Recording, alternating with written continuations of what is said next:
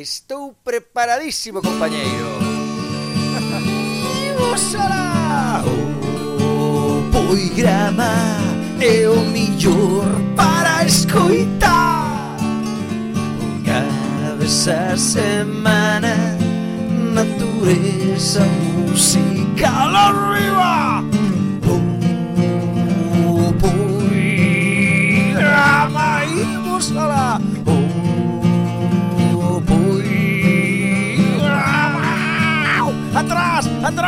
wow, wow, pasa pastor. Poigrama Internacional. Eh, eh, eu teño, teño testemunho dun, dun frade eh, para, para que vexas o, o que somos, eh? un frade pasionista que conocín en Melide, un, estuve unha noite cenando con ela, así, foi, además era un tío moi auténtico, así, eh, que botou moitos anos aí na, na Amazonia, na zona da Amazonia e tal. Eh, e contábame que unha vez que iba a visitar unhas comunidades, non recordo exactamente onde, eh, iba a predicar el, non? A misiones.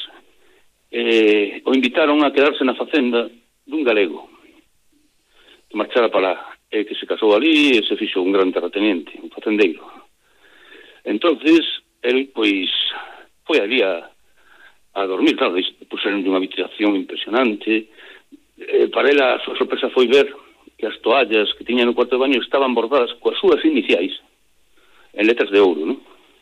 Jope. Te imaginas, ti chegas a unha casa a pasar uns días e de repente tes as toallas cos teus, o sea, perfectamente bordados con letras de ouro, non? E o tipo empezou, claro, empezou a recorrer, tal, hasta que descubriu como vivían os, os traballadores, non? Que os tiñan esclavizados totalmente. E a, e a latigazos. Que e a paus. Entón, a, a, a min recordo unha expresión que me dixo, porque se marchou despois daquela casa, non? Porque eu cada vez que tomaba un café, esperaban, non? Pensaba que estaba bebendo o sangue daquela xente. Joa. Eu, eh, o sea, me impresionou moitísimo. Eu tivo, iso, eh, eh, especial, o que non entendo que un galego, un, claro, Marcelo, que fora capaz de chegar a este límite, non? Sí, eu tampouco entendo, sinceramente como un galego que emigrou buscando unha oportunidade nun sitio tan exuberante e tan rico como é a Amazonía peruana que chegara a ese límite na época do caucho. Estando ahora escoitei moitas historias destas. O feito de que tamén fora galego é importante, porque tócache máis na fibra. Queridos amigos e amigas do verdadeiramente auténtico, a historia deste frade pasionario, que é unha orde moi voluntariosa, mirade onde se adentran, e non precisamente para predicar a palabra de Deus, que tamén fanno con moito fervor, pero enseguida danse conta que ali non fai falta tanto iso como a axuda ás comunidades que quedan expostas debido, debido perdón, á desforestación. Porque as comunidades nativas que están en plena selva virxen, elas a, esas viven con Deus mesmo. Pero a medida que vai avanzando a destrucción da selva, quedan expostas á intemperie. Sí, e entonces precisan auga, precisan medicamentos, precisan educación porque teñen que integrarse a esa nova cultura. Entón, estes farades e moita máis xente e voluntarios e todo que tratan ben de, pois, de incluílos nesa nova realidade. Moi o seu pesar, teño que decirlo. Mirade, permitirme explicarvos por que se inventou o cielo. Si, sí, o concepto que temos como cielo. Pa min, eh, pa min. Lóxicamente, só se pode pensar no ceo cando vives no inferno, digamos, ou non nas condicións que ti entendes que podan ser millorables.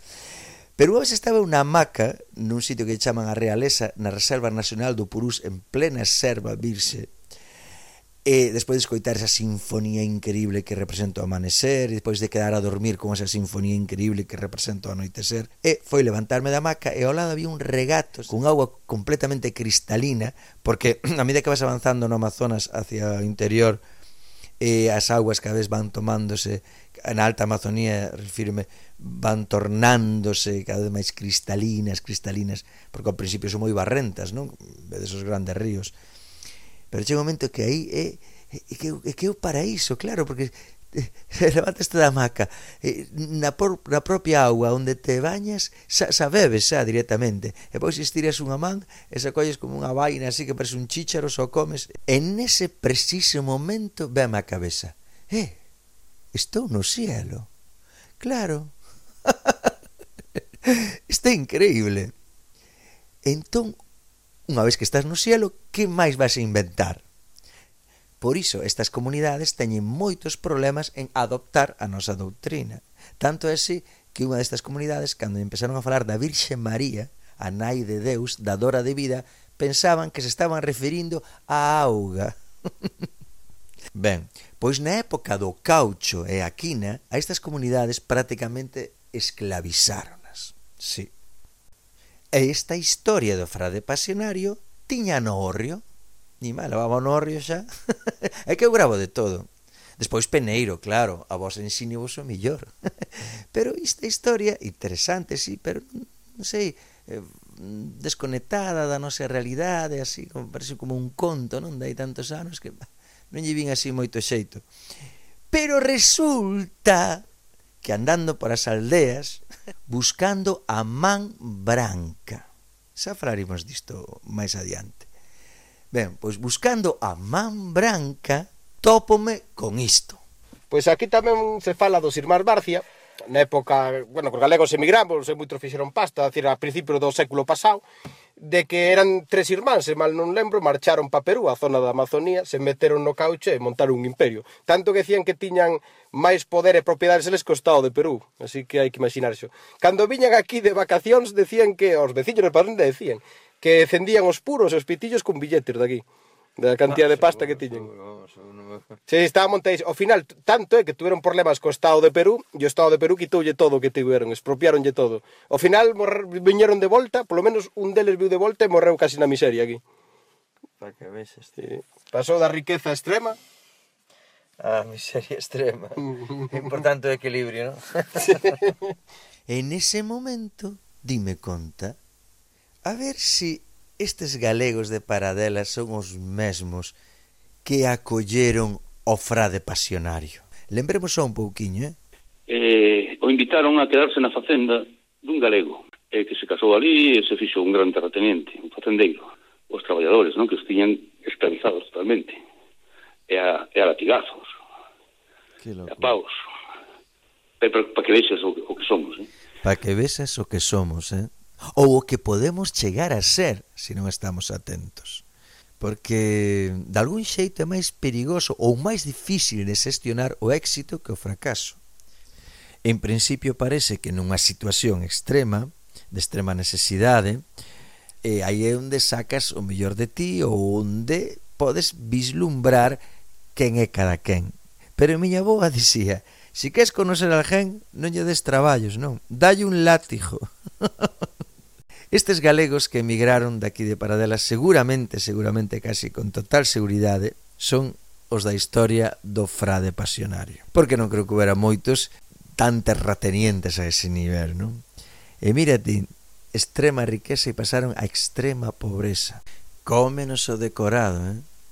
E agora imos saber o que é a man branca que é o motivo polo que vin a esta liña. Pero claro, surdeu esta historia, xuntouse a extrema riqueza e a extrema pobreza nunha mesma persoa. E como eu non vou polo rejo, que son salvaxe, pois compartín esta historia tan interesante. Ben, imos agora coa man branca. O fenómeno que é coñecido como a man branca, que eu en este caso estaba dormindo eh, de repente, bueno, xa sabía que iba, esa persoa tiña os días, non? Porque estaba no hospital, xa para nas últimas, sentín como se me puxera, me entrara polos oídos algo frío, frío, frío, e me puxeran como unha man congelada na nuca, tanto que espertei.